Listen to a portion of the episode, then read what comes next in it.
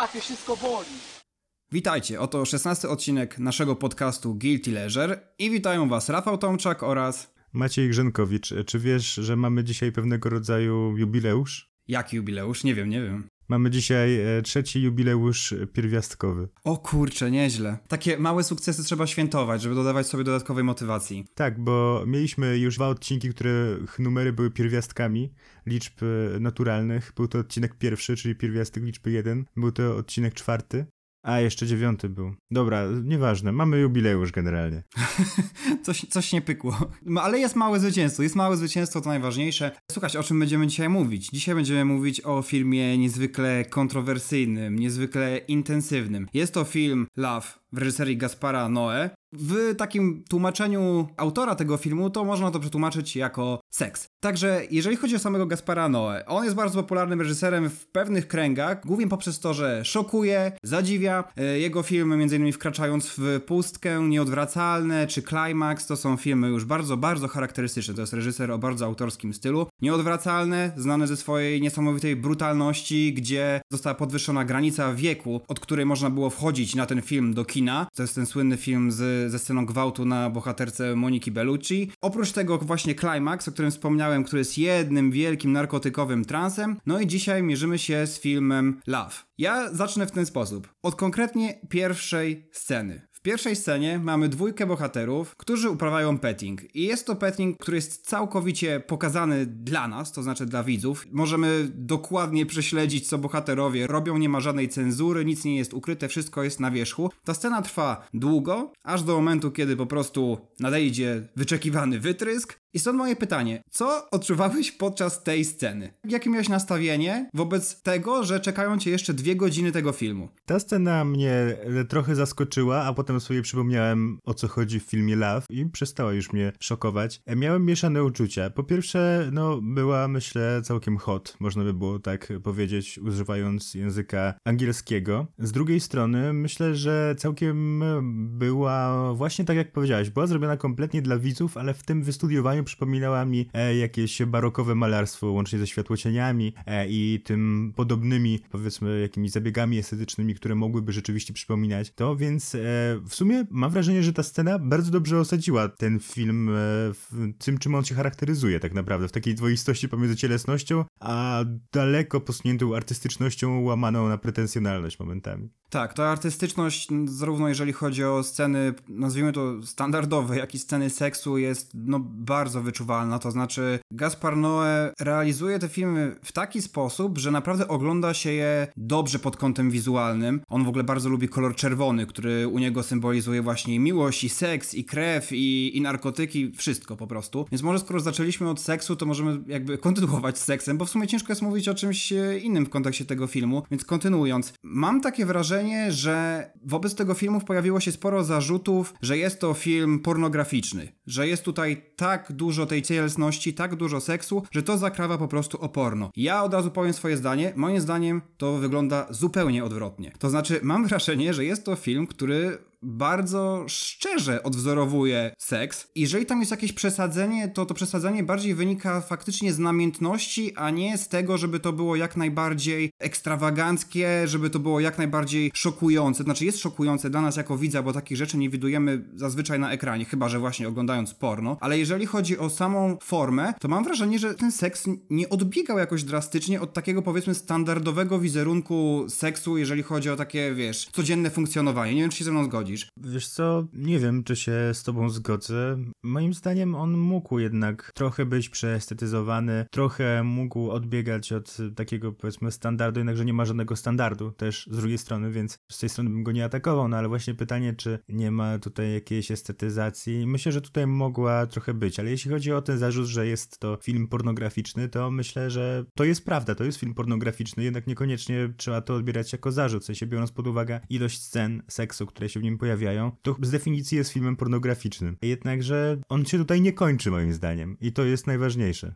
No wydaje mi się, że on jakby trochę balansuje między filmem erotycznym a filmem pornograficznym. To znaczy, w przypadku zakwalifikowania tej pozycji do jednego albo do drugiego, pomóc ma nam wszystko to, co jest poza seksem, poza strefą seksu. To znaczy te historie bohaterów, kreacje aktorskie i po prostu cała historia. Więc może przechodząc już właśnie do samej historii. Ja miałem taki problem z tym filmem, że podzieliłbym go sobie na dwie połowy i swoją drogą ni niestety to zrobiłem w trakcie oglądania filmu, gdyż musiałem przerwać i wyglądało to w ten sposób. Pierwsza połowa była dla mnie bardzo, bardzo ciekawa, byłem bardzo wkręcony w historię, bardzo ją czułem i jakoś, nie wiem, oddziaływała na mnie ta in intymna historia bohatera, który w ogóle o czym, o czym, dwa słowa może o czym jest film poza, poza seksem. To znaczy, jest to historia y, chłopaka, który wspomina bardzo burzliwą miłość, bardzo burzliwy związek z, ze swoją starą miłością, jednocześnie będąc już w nowym związku, mając dziecko. I tak na dobrą sprawę możemy to streścić dosłownie właśnie tymi, tymi kilkoma zdaniami. I ja przez pierwszą godzinę bardzo czułem to, co czuł on. Tam mamy w ogóle do czynienia z narracją pierwszoosobową, jakby słyszymy jego myśli w jakimś sensie, powracamy do jego wspomnień i przez to, jak artystycznie jest to ograne, to znaczy jak on sobie przypomina te wszystkie sceny z przeszłości, sytuacje, w których jest w danym ujęciu i później jest taki skok obrazu w przeszłość, jednocześnie ten bohater jest dokładnie w tej samej pozie, tylko że w innej lokalizacji, w innym czasie. Bardzo mi się to podobało i mam wrażenie, że dodawało jakiejś takiej naturalności. W sensie te przejścia między, między poszczególnymi etapami chronologicznymi? Tak, tak. To znaczy wydawało mi się, że jest to takie bardzo, yy, bardzo ludzkie. To znaczy on po prostu stojąc w konkretnym miejscu, czy w konkretny sposób, czy robiąc konkretną rzecz, przypominał sobie jakieś zdarzenie z przeszłości, więc automatycznie się przenosił do tego, tego miejsca. I właśnie dzięki tej takiej pamiętnikowej narracji, to w sumie poznajemy jego wspomnienia w taki dosyć naturalny sposób. Przynajmniej takie miałem ja odczucia. Też mam wrażenie, że to było dosyć naturalne. Właśnie ten początek jest dosyć, nie wiem, no wydaje mi się, że bardzo autentyczny. W sensie zarówno pod kątem gry aktorskiej, jak i scenariusza. Zdziwiłem się, prawdę mówiąc, ponieważ do tej pory miałem do czynienia wyłącznie z filmem Climax, jeśli chodzi o twórczość Gaspara Noé. No i e, mi się film Climax nie podobał, właśnie ze względu na brak, powiedzmy, tej jakiejś historii, która by przytrzymywała jakiejś rozbudowanej bardziej narracji, w którą można by było się wciągnąć, która by angażowała. Mam wrażenie, że tutaj dzieje się właśnie coś takiego. Od początku możemy utożsamiać się z tym bohaterem i w ogóle mam wrażenie, że on jest też nam bliski, jeśli chodzi o jakiś taki, jakąś kulturę. W sensie bliski, konkretnie mi chodzi tutaj o nasze jakieś tam społeczeństwo warszawskie, czy no właśnie e, młodych z Polski. Wydaje mi się, że ten film, tak swoją drogą, czasami lepiej oddaje to, co czują autentycznie młodzi ludzie w naszym kraju, niż e, takie na przykład wszyscy moi przyjaciele nie żyją. No to prawda, to zdecydowanie. W ogóle to jego, to, że on jest jakoś pomiędzy e, Stanami a Francją, to też dodaje takiego, takiego smaczku. To znaczy widać, że on nie jest jakby do końca tak typowo amerykański i do końca typowo francuski. Jest właśnie jakoś tak w połowie drogi może to też pozwala nam na jakąś e, lepszą formę utożsamiania się, się z tym bohaterem. Jest to na pewno. Jakby cały ten film, mam wrażenie, jest wobec nas bardzo szczery i w ogóle historia. Ja przeżyłem szok w pewnym momencie, dlatego że jakby jest taki moment w filmie, kiedy jakby no, no, wiemy, że bohater w jakimś sensie zdradzi swoją dziewczynę i ta zdrada nie jest jakimś momentem niesamowicie wyczekiwanym, tylko ona przychodzi tak bardzo szybko, tak po prostu, jest, nie ma tam żadnego romansu, jest po prostu jeden jakiś seks, jeden stosunek, jedna pęknięta gumka i to się nagle okazuje, że to powoduje falę kolejnych wydarzeń i mam wrażenie, że to jest właśnie ta autentyczność, którą ja lubię w kinie. To znaczy tutaj nie ma takiego nadmuchanego wydarzenia, tylko po prostu jest coś, co się dzieje, no i o, zdarzyło się, jakby kolejny dzień z życia tego bohatera. Ja bym nawet może jeszcze pociągnął ten wątek, ponieważ e, tak, to prawda, że jest to naturalne, tutaj nie ma, nie ma jakichś napompowanych momentów, z drugiej strony estetycznie bywają czasem napompowane. I na przykład jak myślę o tym wydarzeniu, kiedy to on idzie do swojej byłej dziewczyny, żeby próbować z nią porozmawiać, ona go odrzuca, wy, wypycha z mieszkania. I okazuje się, że jest tam też jego przyjaciel, no, to mam wrażenie, że był taki bardziej napompowany jakiś moment, ale jeśli chodzi o tę zdradę, to rzeczywiście nie i w dodatku to mi się wydaje szczególnie ciekawe, jeśli chodzi o narrację tego filmu, że on cały czas gra. Właśnie jeśli chodzi o momenty kulminacyjne, fa fabularnie, nie estetycznie, cały czas e, gra w taki sposób, zapowiadając to, co się wydarzy. Potem e, możemy zaobserwować, powiedzmy, właśnie te zdarzenia z perspektywy osoby już wiedzącej, e, zwrócić uwagę na coś innego niż same te zwroty akcji, ale powiedzmy bardziej na ich psychikę, na okoliczności e, tego wydarzenia. I to mi się wydaje całkiem mm, dobrym motywem, całkiem mocną stroną tego filmu, która ciągnie się do samego końca, kiedy to dopiero tak naprawdę poznajemy moment, w którym poznali się e, główni bohaterowie. No podpisuję się pod tym całkowicie, natomiast tak jak powiedziałem, ta pierwsza część filmu dużo bardziej oddziaływała na mnie, mimo tego, że ta pierwsza scena właśnie, w której jakby widzimy tych bohaterów, tak sobie myślimy, o, szybko poszło, od razu seks, ale potem do tej seksualności w sumie się przyzwyczajamy. Innym aspektem też tego seksu samego jest to, że tutaj mamy bardziej jakiś taki syndrom fetyszyzowania męskiego ciała, nie kobiecego. Nie wiem, czy zwróciłeś też na to uwagę, ale to nasz bohater jest bardziej filmowany, to jego członek jest ciągle na widoku, jest to jakieś takie, nie wiem, taka ciekawostka może. Nie wiem na ile to ma znaczenie, jeżeli chodzi o samą historię, czy to znaczy, że to jest nasz główny bohater, więc jego kamera filmuje, czy to wynika z jakichś artystycznych, osobistych pobudek Gaspara Noe. Nie do końca wiem, natomiast no jest to coś innego, tak mi się wydaje. No i w połowie nagle dzieje się coś takiego, że nasza historia trochę skręca, to znaczy z racji tego, że zresztą tak jak inne filmy Gaspara Noe, między innymi Nieodwracalne, mamy tutaj do czynienia z narracją wsteczną, to znaczy przywoływane są wspomnienia, no i jest taki moment, kiedy są przywoływane jeszcze wcześniejsze wspomnienia, no i ta narracja zaczyna się trochę walić, tak jak związek naszego bohatera, mimo tego, że to jakby było jeszcze wcześniej, więc to pierwsze walenie się związku, a nie drugie. No i wtedy zaczyna się trochę ten trans, trans, który Gaspar Noé też uwielbia, czyli jeszcze więcej seksu, takiego bardziej dzikiego, zwierzęcego. Pojawiają się narkotyki. Migające światła non-stop, więc pozdrawiamy wszystkie osoby z epilepsją, które oglądają ten film. Pozdrawiamy, bo się przyda zdrowie. pozdrawiamy. Bardziej odradzamy ten film tym osobom, ale faktycznie, no jakby zaczyna się robić coś, czego doświadczyliśmy w sumie oglądając Climax. No i w tym momencie ja przestałem po prostu czuć tę historię. Nie wiem, czym ty miałeś to samo, ale wcześniej właśnie nie wiem, na ile to były moje subiektywne odczucia, czy to właśnie subiektywne utożsamianie się. Jakby był ten klimat, kolory, scenografia, to jak, jak ten seks y, jest sfilmowany, bo zdjęcia są super, muzyka do tego dobrana jest super. I nagle w połowie ja mam taką myśl, że kurczę, jakby ten film już powiedział, jakby co się wydarzyło, jak doszło do tej zdrady, jak doszło do tego, że, że nasz bohater ma dziecko i tak sobie myślę, mm, no ale i, i co dalej będzie jakby? No i potem się okazuje, że jest właśnie znowu uskuteczniona ta narracja wsteczna, jeszcze wcześniejsza, no i nagle jest chaos. Nie wiem jak ty to oceniasz, ale dla mnie to był straszny zjazd. Ja, no, u mnie nie było jakiegoś spadku jakościowego. Naprawdę nie, nie widziałem jakoś specjalnie różnic. Nie, nie, nie podzieliłem też sobie tego filmu u siebie w głowie na dwie części. Mam wrażenie, że jakoś spójnie tu się wszystko ciągnęło. Jednocześnie e, ta narracja była dla mnie mniej taka linearna niż jakaś e, taka kolista. Bardziej to było, bardziej jak jakaś chmura narracyjna, w którą się wchodzi, w której się błąka, ale e, tak naprawdę natrafia się często na te same momenty, więc właśnie ponownie ten trans, który mam wrażenie, wrażenie, że ciągnął się, jak dla mnie przynajmniej, całkiem spójnie, więc nie stracił ten film u mnie.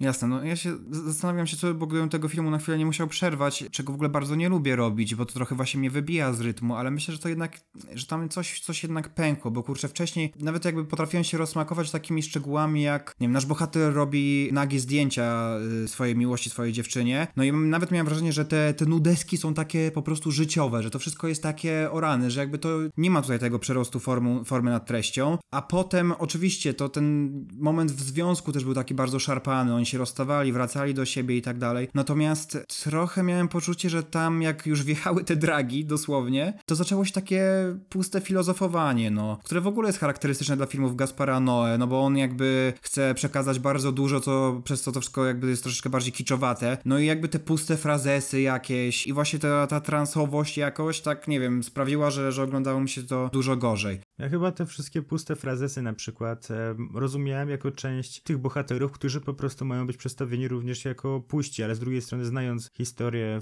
filmowania Gaspara Noé, no to właśnie może jednak rzeczywiście masz rację, znasz lepiej tę twórczość, że to nie jest kwestia niestety konstrukcji bohaterów tylko i wyłącznie. No, w każdym razie taka interpretacja pozwalała mi bardziej chyba cieszyć się tym filmem i zauważyć, ponieważ mam wrażenie, że ci bohaterowie przeszli jakąś taką przemianę od y, pewności siebie, powiedzmy od y, jakichś wyobrażeń wyidealizowanych na temat siebie i swojej przyszłości do momentu, kiedy one wszystkie się walą i miałem wrażenie, że częściowo to filozofowanie e, jest elementem tak trochę krytykowanym przez e, Gaspara Noé, chociaż może niekoniecznie. To jest też ciekawe właśnie w kontekście tego, że jest to narracja wsteczna, dlatego że im później w filmie, ale im wcześniej w związku, tym jest więcej tego chaosu. To znaczy, ja też mam takie poczucie trochę, że ten film początkowo był w ogóle taką tęsknotą, nawet nie tylko za dawną miłością, tylko w ogóle za jakimś takim starym życiem tego bohatera, że nowe życie przyszło jakoś zbyt wcześnie i on wtedy sobie wspomina, jakoś się troszeczkę zatraca. Natomiast później w ogóle my już jakby nie widzimy tego bohatera tu i teraz, w tym, w tym aktualnym, teraźniejszym czasie i przez to jakby mam wrażenie, że to czucie, czucie historii troszeczkę spadło. Natomiast jeżeli chodzi o to samo filozofowanie, no to kurczę, Gaspar Noé jest znany z tego, że on lubi coś przekazywać na metapoziomie, tylko że dla mnie to są takie przekazy, które trochę mnie załamują w trakcie oglądania, bo jednocześnie przez pierwszą część y, filmu z zapartym tchem oglądałem i byłem całkowicie wkręcony, ale z drugiej strony czas raz na jakiś czas pojawia się jakaś plansza, która coś tłumaczy. Zresztą to też się pojawiło w, w klimaksie, ale jakby plansza, która nagle ma jakieś y, twierdzenie nam y, wkuć do głowy. Albo y, jak bohater po prostu jest jakimś odzwierciedleniem samego Gaspara Noe, bo mówi, że chce robić filmy z krwi, spermy i łez, że porno jest w ogóle super, dlatego że to jest tak naprawdę podejście do twórczości bez strachu. No i mam wrażenie, że tutaj wychodzi ta miłość do samego siebie. To jest po prostu film, który Gaspar Noe zrobił z miłością i w miłości do samego siebie. Właśnie też się zastanawiałem nad tym aspektem obecności samego Gaspara Noe w tym filmie, ponieważ jest obecny w nim i Gaspar i Noe. Dokładnie, czyli inni bohaterowie. Podkreślmy, to są inni bohaterowie. Gaspar to jest po prostu bohater, a Noe to jest swoją drogą bohater, którego gra sam reżyser Gaspar Noe. Incepcja by mogła pozazdrościć tej incepcji. No ale właśnie, jest Noe, którego gra Gaspar Noe, jest Gaspar, który jest dzieckiem i którego nie gra Gaspar Noe. No ale tutaj właśnie można się zastanawiać właściwie pewnie równie długo moglibyśmy jako seksie mówić tutaj o kwestii tego, gdzie jest Gaspar Noe w tym filmie i co ma oznaczać to napięcie między tym starszym, doświadczonym, ale też e, trochę zblazowanym, trochę już takim cynicznym właścicielem galerii, a tym młodym, rodzącym się od nowa właśnie, e, właśnie człowiekiem, z nową całkiem historią. Można by było się nad tym zastanowić, e, jednocześnie nie wiem, czy powinniśmy to robić, czy powinniśmy dawać Gasparowi no aż taką satysfakcję. Tutaj pewnie już od razu byśmy jej powiadomili, że zaczął nas obserwować i słucha naszego podcastu. Zrobimy wszystko, żeby przykuć nowych słuchaczy. Tak, tak, zrobimy wszystko, więc jeśli macie na przykład pomysł, że chcielibyście, żebyśmy porozmawiali o was, no to zapraszamy, może być trzeci segment. No i wiecie, no i polecimy. W każdym razie to jest ciekawa sprawa, ale nie wiem, czy w sumie jest taka ważna, jeśli chodzi o odbiór filmu, taki no przeciętnego powiedzmy widza. To jest może coś bardziej dla takich, nie wiem, koneserów albo filmoznawców, a zastanawiam się, jakby normalny widz to odbierał. Bo ja na przykład pamiętam, nie wiem, czy pamiętasz, jak nasz wspólny znajomy jeden o inicjałach takich samych, co ja mam, to chyba powiedział o tym filmie, mam wrażenie, że zastanawia się, ile osób po prostu przychodzi tam dokonać aktu masturbacji. No i jakby pytanie, czy to, co nas dotyka trochę, chociażby ta historia, czy ona ma szansę dotknąć też innych ludzi? Znaczy na pewno ma szansę dotknąć innych ludzi, że my nie jesteśmy jedynymi osobami, którzy są tacy wrażliwi, ale ja, jak, jak to będzie, jak to jest odbierane normalnie, nie? Nie no, wiesz co, z jednej strony jakby zgadzam się i rozumiem, yy, ale z drugiej strony no jednak znowu się pojawia wątek oglądania z kontekstem, oglądania bez kontekstu. To znaczy, wiesz, ja powiedzmy widząc film Nieodwracalny albo widząc wcześniej Climax, to, to oglądając ten film już jakby widzę pewne zabiegi charakterystyczne właśnie dla Gaspara Noe i mam wrażenie, że jest tego za dużo po prostu. To znaczy nie da się od tego uciec. On się sam po prostu odnosi do siebie w tych filmach. Tam z tyłu wiszą jakieś plakaty z jego wcześniejszych filmów. To ma jakiś tam swój urok, to są jakieś smaczki do wyłapania, tylko dla mnie na przykład, jeżeli jest jakaś, nie wiem, scena seksu, która jest świetnie sfilmowana i ogląda mi się ją dobrze, albo jest jakaś, nie wiem, po prostu scena, nie wiem, dyskusja między bohaterami i ogląda mi się ją dobrze, to nagle pojawia się przykładowo bohater o imieniu Gaspar, no to mnie to troszeczkę wytrąca po prostu, bo jakby wiem, że Gaspar no, robi ten film i tak sobie myślę, o, jakby tutaj, o, dobra, nazwę tego bohatera swoim imieniem, to będzie więcej mnie w moim filmie. No i kurczę, jakoś trochę mi to przeszkadza po prostu, no. Może nie miał pomysłu, no. Może nie miał pomysłu. W ogóle swoją drogą scenariusz podobno do tego filmu miał 7 stron. A też e, Gaspar Noé opowiadał, jak w ogóle przeprowadzał angaż do tego filmu. No i o tyle, ile aktora zaangażował w taki sposób, nazwijmy to na, normalny, że tak powiedzmy, nie wiem, z polecenia, to dwie główne bohaterki to po prostu były dziewczyny, którą spotkał w klubie i namówił je do wzięcia udziału w tym filmie.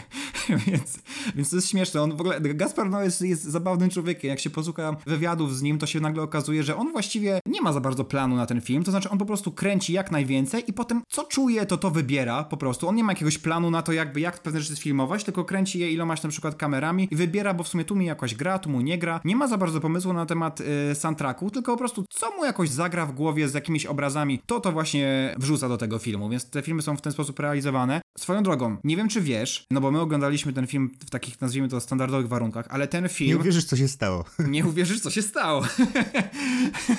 Tutaj spora inspiracja, kto wie, ten wie, ale ten film był realizowany w 3D. No nie wierzę. No właśnie. Chodzi o to, że ten film na samym początku był realizowany w 3D. I są takie sceny, kiedy po prostu czujemy się troszeczkę osaczeni, albo właściwie oblepieni, mam wrażenie, dlatego że po prostu mamy do czynienia z penisem skierowaną w naszą twarz. Po chwili następuje wytrysk, no i nasienie leci prosto na nas na kamerę. No ja mam wrażenie, że ta technologia 3D to została wprowadzona tylko po to, żeby, żeby ta jedna scena po prostu została jakoś tam odebrana i żeby to się obiło szerszym echem. To jest swoją drogą jedna jedyna scena, kiedy na kamerze, to znaczy na obrazie jakby pojawia się coś, jest jakby trochę przekroczenie tej, tej czwartej ściany. To jest jedyna scena tego typu. Ja sądziłem, że jeżeli ten film jest zrealizowany w technologii 3D, no to tego będzie troszeczkę więcej, ale nie, jest jeden wytrysk i to tyle. Jestem ciekawy swoich wrażeń, w, gdybym oglądał ten film w 3D, ale jednocześnie nie wiem, czy bym chciał tego obejrzeć w 3D. No, ja chyba bym nie chciał, ale rzeczywiście to jest jedna wyłącznie scena taka, która swoją drogą nie wpisuje się specjalnie tak ogólnie, mam wrażenie, w jakiś tam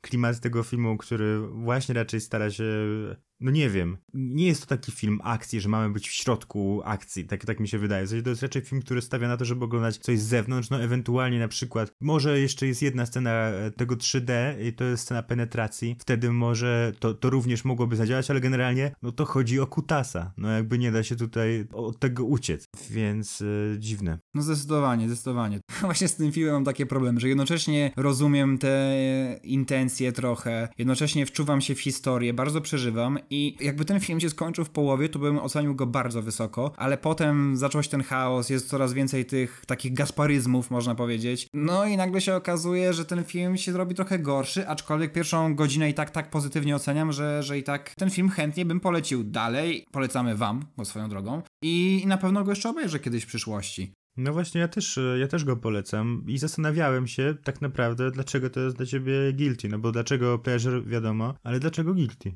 Tak naprawdę z kilku względów. To znaczy, po pierwsze, ja ten film widziałem teraz pierwszy raz i słyszałem o nim właśnie tyle, że, że jest to porno. To znaczy, oczywiście nie wszystkie głosy tak brzmiały, natomiast pojawiło się właśnie sporo zarzutów, że jest to po prostu porno, bez historii, że jest to film tylko i wyłącznie po to, żeby pokazać seks, seks i jeszcze raz seks. Dodatkowo, ogólnie chyba filmy Gaspara Noe, nie, nie mówię, że wszystkie, ale na przykład Climax to jest taki film, który w moim przypadku trochę mi się podobał, trochę mi się nie podobał i ciężko jest mi bardzo powiedzieć, co w nim grało, a co nie, dlatego że jednocześnie lubię Gaspara Noe, go nie lubię, bo czasami jest go po prostu za dużo. Chociaż mam wrażenie, że jak jest go za dużo, to też jakoś stwierdzam, że jest to trochę urocze, że on tak naiwnie wierzy w to, że jak im będzie więcej jego w jego filmie, tym ten film będzie lepszy. Więc no mam bardzo skrajne uczucia i w sumie po filmie zgadzam się trochę, że jest to takie guilty pleasure moje, dlatego że, no mówię, ten film powoduje u mnie masę różnych emocji jestem bardzo wciągnięty w całą tę historię. Uważam, że te sceny seksu są świetnie nakręcone. Swoją drogą non-stop się pojawiają głosy, że dlaczego właśnie filmy pornograficzne nie mogą zostać zrealizowane właśnie w ten sposób. I potem przychodzi Gaspar Noé i robi po prostu film na pograniczu filmu pornograficznego, erotycznego. No i mamy to. Więc mam skrajne odczucia wobec tego filmu. No dobra, no to, no to rozumiem, dlaczego guilty. Tak, natomiast skrajnych odczuć nie mieli na pewno Vincent Cassel i Monica Bellucci, którzy jeszcze kilkanaście lat przed powstaniem tego filmu zrezygnowali z ról w tym filmie, dlatego że przez to, że większość scen seksu jest po prostu autentyczna, no to nawet oni stwierdzili, że, że nie, nie pokuszą się o zagranie w tym filmie. Rozbawiło mnie też jeszcze tak, może już kończąc ten wątek, dosłownie sama końcówka, kiedy bohater siedzi w wannie z drugą bohaterką i mówi do niej: Będę cię kochał aż do końca. I mają dwie sekundy i się pojawia koniec. nie wiem, i po prostu to, to był taki dziwny efekt, bo jednocześnie jakby byłem wkręcony w to, co się tam dzieje, w te dramaty ludzkie, które się tam rozgrywają, a, po prostu jak się pojawił napis koniec, to wiesz, wybuchnąłem śmiechem, no bo już się nie kocha. to by było na tyle. Więc y, to jest powód, dla którego warto oglądać 2 godziny 20 minut filmu na pograniczu porno i house'u czyli w sumie generalnie w tej samej kategorii. E, no i polecamy wam. Jak będziecie już e, po seansie, napiszcie, co wam się najbardziej podobało w tym filmie, co wam się nie podobało w tym filmie, a my to wszystko przekażemy panu Gasparowi Noe. Dokładnie, dokładnie, tak będzie. A jeszcze dodam tylko, teraz mi się przypomniała taka ostatnia ciekawostka, że ten film swoją drogą w ostatnim czasie zaczął być znowu coraz częściej oglądany na platformach streamingowych i mówiło się o tym, że jest to jakiś jakiś taki efekt tego, że wielkim sukcesem okazało się nasze wielkie, polskie 365 dni. W momencie, w którym 365 dni pojawiło się na Netflixie, to nagle film Love Gaspara Noe też zaczął być coraz częściej oglądany, też trafił do topki, także już jak poszedł efekt domina z filmami po prostu pokazującymi seks, seks i jeszcze raz seks, to już po prostu oglądane są one jeden po drugim. I to tyle. I to tyle. Temat zamknięty. Siema. Siema. To czas na segment muzyczny. Segment muzyczny jest drugim segmentem naszego podcastu. Rozmawiamy w nim o muzyce, którą uważamy za fajną, ale nie do końca, z różnych powodów. Jest to przypomnienie dla wszystkich tych, którzy włączyli nasz podcast, dlatego że jest w nim o seksie dzisiaj. Więc y, witamy Was y, i zapraszamy do piosenki numer jeden. Piosenką numer jeden będzie Ciągnik. Piosenka Ciągnik ma pewną historię w moim życiu. Ja nie wiem, nie wiem, czy ma jakąś historię w twoim życiu. Powiedz mi, czy ty ją słyszałeś wcześniej? Tak, słyszałem. W moim życiu też ona ma historię, aczkolwiek zgoła negatywną, także może ty zacznij i ja po to spróbuję jakoś skontrolować. O lol. No, no dobra. To, to mnie zdziwiło, prawdę mówiąc. Jak bo piosenka o ciągniku się... może mieć negatywne nacechowanie? No, no naprawdę nie wiem, ale w takim razie zaraz chętnie się dowiem. Ja ci powiem tymczasem, jaką ona ma historię w moim życiu. Oczywiście nie jest to tak, że pewnego dnia, nie wiem, przychodziłem, usłyszałem piosenkę Blenders zespołu Ciągnik albo odwrotnie i stwierdziłem, to czas, czas zamieszkać na ulicy Rolniczej. Tylko, no nie, po prostu ta piosenka co jakiś czas jakoś tam leciała w radiu, przewijała się i mnie zawsze bardzo mocno jakoś tam chwytała, jeśli chodzi o po prostu warstwę, kurczę, muzyczną. Podobało mi się to, podobał mi się ten refren, to tu, o Jezu, nie. Tak, tak, tak, będzie tego, będzie tego, bo już przestają nas ludzie słuchać. To jest żart, bo nie zaczynają tak naprawdę. A, szachmat, no. i to teraz słuchacze? No właśnie, więc, e, więc to mnie zawsze jakoś tam pociągało i w dodatku ten tekst też był kiedyś zabawny dla mnie, no bo kupić czarny ciągnik, no to co to, to jest jakieś prestiżowe? Nie, to jest zabawne, że jakaś taka wieś, coś tam wiocha, że ktoś kupuje czarny ciągnik, żeby wozić swoją dziewczynę, no come on, co to ma być w ogóle? To jest szczyt komedii, no. To jest szczyt komedii. To jest, to jest jak, jak, jak, jest ten, jak są te memy, kto, że ktoś dostaje puchar za bycie królem komedii, no to właśnie zespół Blenders go dostaje od nas. E, jednak e, trzeba pamiętać, że piosenka Blender zespołu Ciągnik została e, wypuszczona w tym roku, w którym my zostaliśmy wypuszczeni, czyli w 1996 roku. No i w związku z tym ma pewne tutaj... Niedociągnięcia ma pewne niedociągnięcia, tak jak my, a jedno z, jedno z tych niedociągnięć jest klasizm, moim zdaniem. Bo i to jest teraz główny problem, jaki ja mam z tą piosenką. No bo dalej mnie chwyta e, za serce, jeśli chodzi o warstwę muzyczną, ale jeśli chodzi o ten tekst, to mnie już tak trochę, kurczę, jakoś tam żenuje. Jak w ogóle mam wrażenie, że cała ta kultura przełomu, nie wiem, od lat 1995 do 2010 miała w sobie jakiś taki, kurczę, immanentny rasizm kulturowy. Trochę, trochę jest tym prawdy. To znaczy, ja nie ukrywam, że dla mnie w ogóle, jeżeli chodzi o utwór ciągnik, to tutaj nie ma żadnych pozytywów. Po prostu poszedłbym nawet troszeczkę dalej. Aczkolwiek, no tak, na pewno. Zresztą nawet ten teledysk jest jakiś taki, że ja nie wiem, czy on jest fajny, czy nie. Tak oglądam sobie, jak oni jadą tym ciągnikiem i trochę nie wiem po co, po prostu. To znaczy, okej, okay, no to był jakiś, jakaś forma żartu, czy, czy... Nie, nie wiem, nie wiem po prostu. Niespe niespecjalnie mnie to, mnie to jakoś ujmuje. Zresztą wiesz, spodobało mi się, że ten zespół Blenders na Wikipedii ma taki opis Pierwsze zdanie. Znakami rozpoznawczymi grupy są przebojowe kompozycje utrzymane w klimatach rapcore, funk, disco, popu i rocka. No to niezłe, to niezłe znaki rozpoznawcze.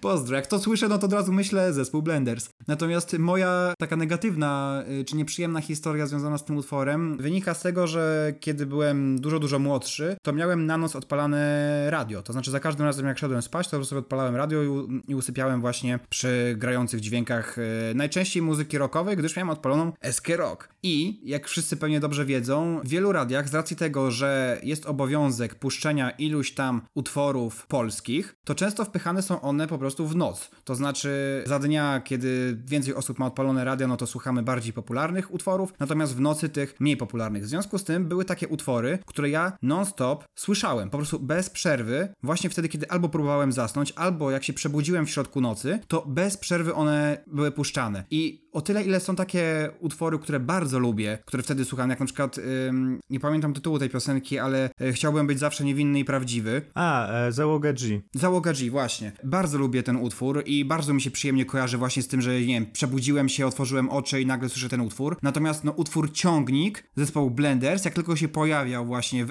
Rock w nocy, to ja nie potrafiłem zasnąć, bo mnie byłem tak wściekły na to, byłem tak wściekły, bo mi to tak irytował ten utwór. Ja nie wiem, czy tam bardziej irytowały mnie zwrotki, czy refren i powiem szczerze, ja w ogóle nie rozumiem, jak można tego słuchać dla przyjemności. I oglądać ten teledysk tak samo, serio, teraz mówię.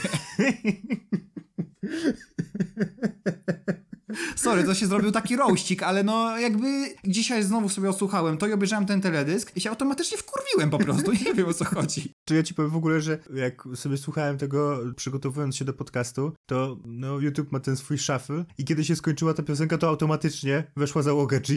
A no właśnie, no. Co jest też ciekawe, jakoś można interpretować rzeczywistość na tej podstawie. No nie wiem, jak mam ci na to odpowiedzieć. No najwyraźniej można. Jak się podoba warstwa muzyczna, jak się bawi tekst, bo jeszcze jest tak śmiesznie powiedziany. Ciągnik, kupiłem czarny ciągnik, nie? I tak tak wolno to idzie. I coraz bardziej się denerwujesz. Coraz bardziej, wiesz, krew po prostu dopływa do głowy i się denerwujesz, no. Tym razem do głowy, nie tak jak w przypadku filmu Gaspara Noe. Ajajaj. Przepraszam, nie mogłem się powstrzymać. No cóż, no słychać, że jesteś sfrustrowany, rzeczywiście nawet rozmawiając o tej piosence, więc e, nie wiem, czy należy kontynuować te twoje tutaj cierpienia. Myślę, że nie. I w takim razie, o ile film Gaspara Noe dostał nasz guilty leżerowy znak jakości, to tyle zespół Ciągnik i ich piosenka Blenders e, nie, nie dostają, nie dostają tego znaku, ponieważ nie ma zgody tutaj. A nawet y, zespół Blenders i piosenka Ciągnik. Nie, chyba ci się coś pomyliło. Nie, otóż nie. Dostaje pół znaku jakości po prostu. Pół gwiazdki z nieba. Dobra, słuchajcie, żeby troszeczkę ukoić nasze nerwy, to musimy przejść do kolejnej propozycji muzycznej. Jest to propozycja muzyczna, którą wszyscy znają, bo pewnie wszyscy, niektórzy znają to do pożygu już. Jest to utwór Shallow w wykonaniu Lady Gaga i Bradley'a Coopera. Fajnie, fajnie, fajnie, że mamy taki podcast, że tutaj proponujemy jakieś fajne rzeczy, rozmawiamy o nich. No, znamy, każdy zna to pożygu, więc porozmawiamy o nim jeszcze raz. I zastanowimy się, dlaczego to jest guilty leisure, po prostu. Albo guilty pleasure, guilty leisure. Zastanowimy się, to znaczy... Świat czeka na ten podcast. Kurwa, nie, nie dasz powiedzieć człowiekowi. Przepraszam, przepraszam, nie, już mów, mów. Nie, nie, śmieję, śmieję się, no. Ale... Jezus Maria, Filip będzie wściekły, że to musi wycinać. Utwór Shallow znany jest oczywiście z filmu Narodziny Gwiazdy, który świętował swoje sukcesy, to już było 2-3 lata temu. Dwa lata temu pamiętam, że byłem na nim w kinie w styczniu 2019 roku. Tak, no i ten film w ogóle mi trochę otworzył oczy, może nie tyle na jakby American Dream y, muzyczny, ale bardziej na Lady Gaga. To znaczy ja nigdy wcześniej jakoś nie przypadałem specjalnie za Lady Gaga. Muzyka, którą tworzyła nie była jakoś w obrębie moich zainteresowań. Natomiast no po tym filmie zakochałem się w ogóle w soundtracku z, z tego filmu. Na płycie CD miałem wszystkie piosenki, y, nie to, że ściągałem, tylko dostałem po prostu, bo ktoś wiedział, że tak bardzo mi się ten film podobał i tak bardzo muzyka mi się podobała, że dostałem na płycie CD. Oprócz tego w ogóle jakoś polubiłem Lady Gaga samą w sobie. E, bardzo teraz czekam na film House of Gucci z Adamem Driverem. No i w ogóle ten film, Narodziny Gwiazdy, pałam do niego ogromną sympatią. To znaczy jest on bardzo wzruszający, jest on bardzo, oczywiście, on jest tak komercyjnie ładny. Oczywiście, że tak, ja zdaję sobie z tego sprawę. Natomiast nie ukrywam, że, że łapię się na to. W ogóle ten film mógłby być, być też w naszym pierwszym segmencie. Natomiast utwór Shallow, który osiągnął ogromny sukces komercyjny, yy, między innymi też dostał nagrodę Oscara na najlepszą piosenkę filmową, no to kurczę, we mnie wzbudza przeogromne wzruszenie. Jest to trochę przypadek podobny do Mirrors Justina Timberlake'a. To znaczy, lubię go śpiewać bardzo, bardzo lubię sobie go głośno puszczać, wzruszam się. Jednocześnie mam takie poczucie, że o Jezu, to jest takie komercyjne, więc może nie powinienem, o rany, tutaj Lady Gaga wyje, więc może nie powinienem. Ale co tu dużo mówić, po prostu jestem zakochany w tym utworze.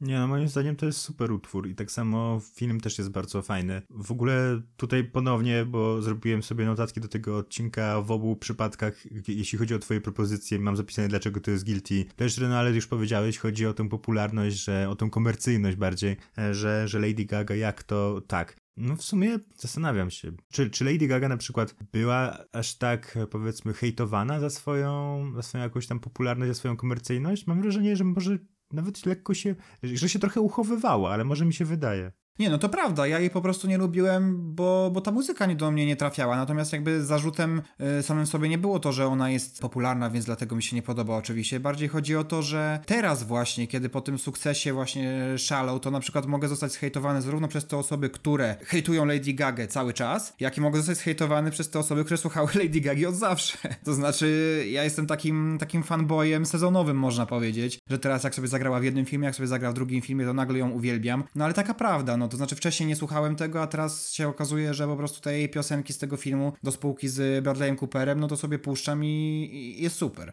No ale jaki sezonowiec, jak to już od dwóch lat jest, no to come on. To jest jakiś długi sezon, a poza tym, co jest złego w byciu sezonowcem? No też nic, tak naprawdę to nic. Właśnie no. Bycie sezonowcem po prostu nie jest do końca społecznie akceptowalne i to stąd wynika właśnie to poczucie guilty, no. Znaczy ja ci powiem tak, jest taki mem, który jest taki, że tam jest jakiś gość, no i coś tam jest napisane. Niezły mem.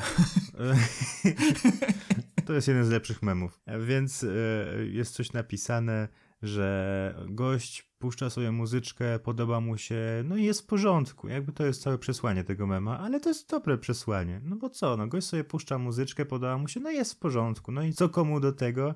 To jest generalnie przesłanie naszego podcastu, tak ogólnie, ale odnosząc to do sezonowców, no to nie wiem, no wydaje mi się, że każdy moment na to, żeby znaleźć jakąś nową pasję, nie wiem, chyba, że to jest myśl Adolfa Hitlera, no to jest dobry moment. Moż, można cały czas przecież zaczynać sobie coś nowego. Ale się zrobiła nasza rozmowa taka w stylu, no gadamy tutaj pod trzypakiem. No trochę tak, trochę tak, ale zgadzamy się do tego, że myśl Lady Gagi jest, jest dużo lepsza. Ja swoją drogą, tak jeszcze już dodam na zakończenie, nawet nie wiem, które wykonanie tego utworu najbardziej mi się podoba, dlatego że w tym filmie ona wykonuje to w takiej wersji, nazwijmy to akustycznej, na parkingu, kiedy siedzi razem z Bradleyem Cooperem i tam sobie podśpiewuje. Potem oczywiście jest ta scena, gdzie oni są na scenie i to wykonują pierwszy raz razem, ale potem ten utwór został wykonany też na Oscarach, gdzie no było to też bardzo wzruszające, a dodatkowo już jakiś czas później zapoznałem się z wersją w ogóle, która została zarejestrowana jeszcze z czasów prób do tego filmu, kiedy sobie czytali razem scenariusz. No i był ten moment, że właśnie Lady Gaga śpiewa, no i wiesz, wszyscy ludzie tam zaangażowani w powstawanie tego filmu siedzą ze scenariuszami, obok niej siedzi Bradley Cooper, no i ona, wiesz, sama, solo, wiesz, śpiewa. No i, i super to jest. Super dlatego, że każdy z tym scenariuszem obok i po prostu nagle wszyscy biją jej brawo i kurde, no robi to wrażenie. Po prostu jej głos w tym utworze to jest czyste złoto. To jest e, czyste złoto. I w ogóle Lady Gaga jest spoko. Ja lubię. Alejandro na przykład. no właśnie to już ja mam fajna, trosze, fajna piosenka. troszeczkę większy problem, ale dobra, to już zostawmy. To kiedyś obgadamy. A tymczasem obgadamy coś innego, czyli przechodzimy do segmentu trzeciego naszego podcastu, w którym rozmawiamy o rzeczach, które sprawiają nam radość z jakiegoś dziwnego powodu i również może być to nieakceptowalne społecznie. No zaczyna się nasze takie standardowe pitu-pitu. Tak, zaczyna się standardowe pitu-pitu, które uskuteczniamy również trochę wcześniej, ale teraz mamy na to mandat. Więc chciałbym w tym momencie rozpocząć rozmowę na temat wypełniania formularzy, ponieważ wiele osób tak ma, że bardzo lubi wypełniać formularze. Nie wiem, czy się z tym zetknąłeś jakoś wcześniej, ale mi się wydaje, że jest to całkiem popularne zjawisko. No, wiesz, jestem prostym człowiekiem, widzę formularz, wypełniam. znaczy, ale w sensie, że to jest na zasadzie takiej jak kolorowanka, że to jest nieangażujące specjalnie, powiedzmy, zajęcie, które pozwala się na czymś tam jednocześnie skupić, ale i trochę odstresować i w ten sposób to tak e, by działało.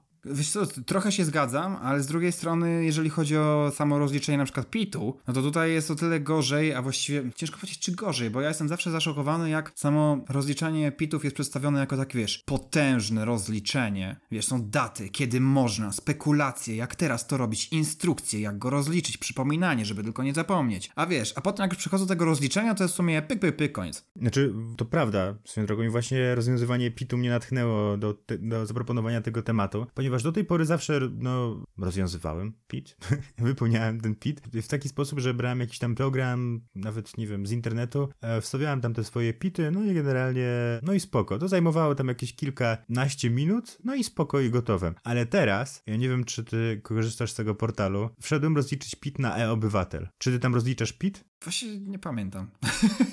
To jest portal rządowy. Ja, tak, tak, tak, to się tak nazywa ten rządowy. To tak, to rozliczam, to tam w ogóle nie trzeba niczego wprowadzać. No właśnie. Oni już tam wszystko mają. Są cwaniaki. Ale to mnie tak zaszokowało, bo ja do tej pory właśnie na jakichś innych portalach to robiłem, a tym razem wszedłem na ten portal rządowy i widzę, że wszystko jest gotowe i trzeba tylko kliknąć. No, to prawda, tak. Ponownie, ten podcast nie jest sponsorowany przez e-obywatel.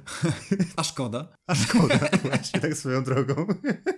No ale niemniej trzeba przyznać, że to było coś w moim przekonaniu. Więc y, no ja, ja, ja, ja w ogóle całkiem lubię wypełniać takie rzeczy, jakieś tam jakieś kategoryzować, coś tam ten, że przygotowywać jakieś załączniki, potem to wszystko spiąć i tak oddać. Może ty po prostu powinieneś w Excelu więcej siedzieć.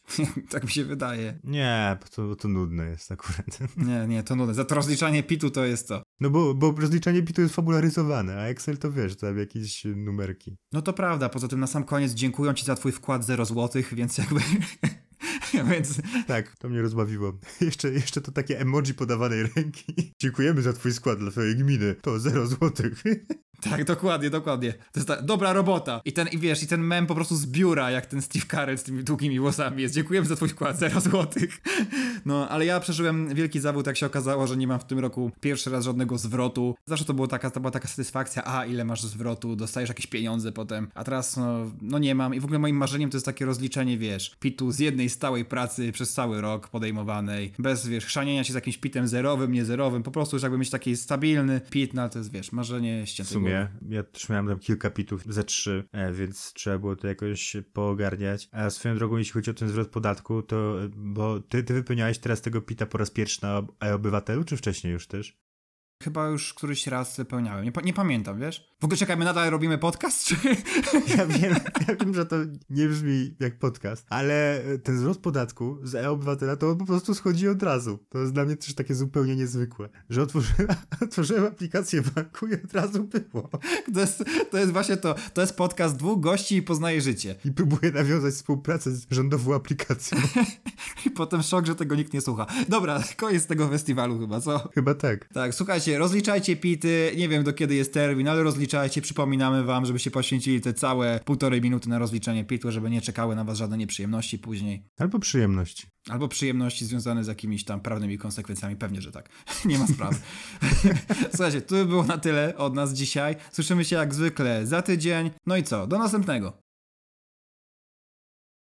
W naszym jinglu usłyszeliście utwór Le Grand Chase w wykonaniu Kevina MacLeoda. Wystąpił w nim oczywiście również Paweł Jumper, a realizował nas Filip Markiewicz.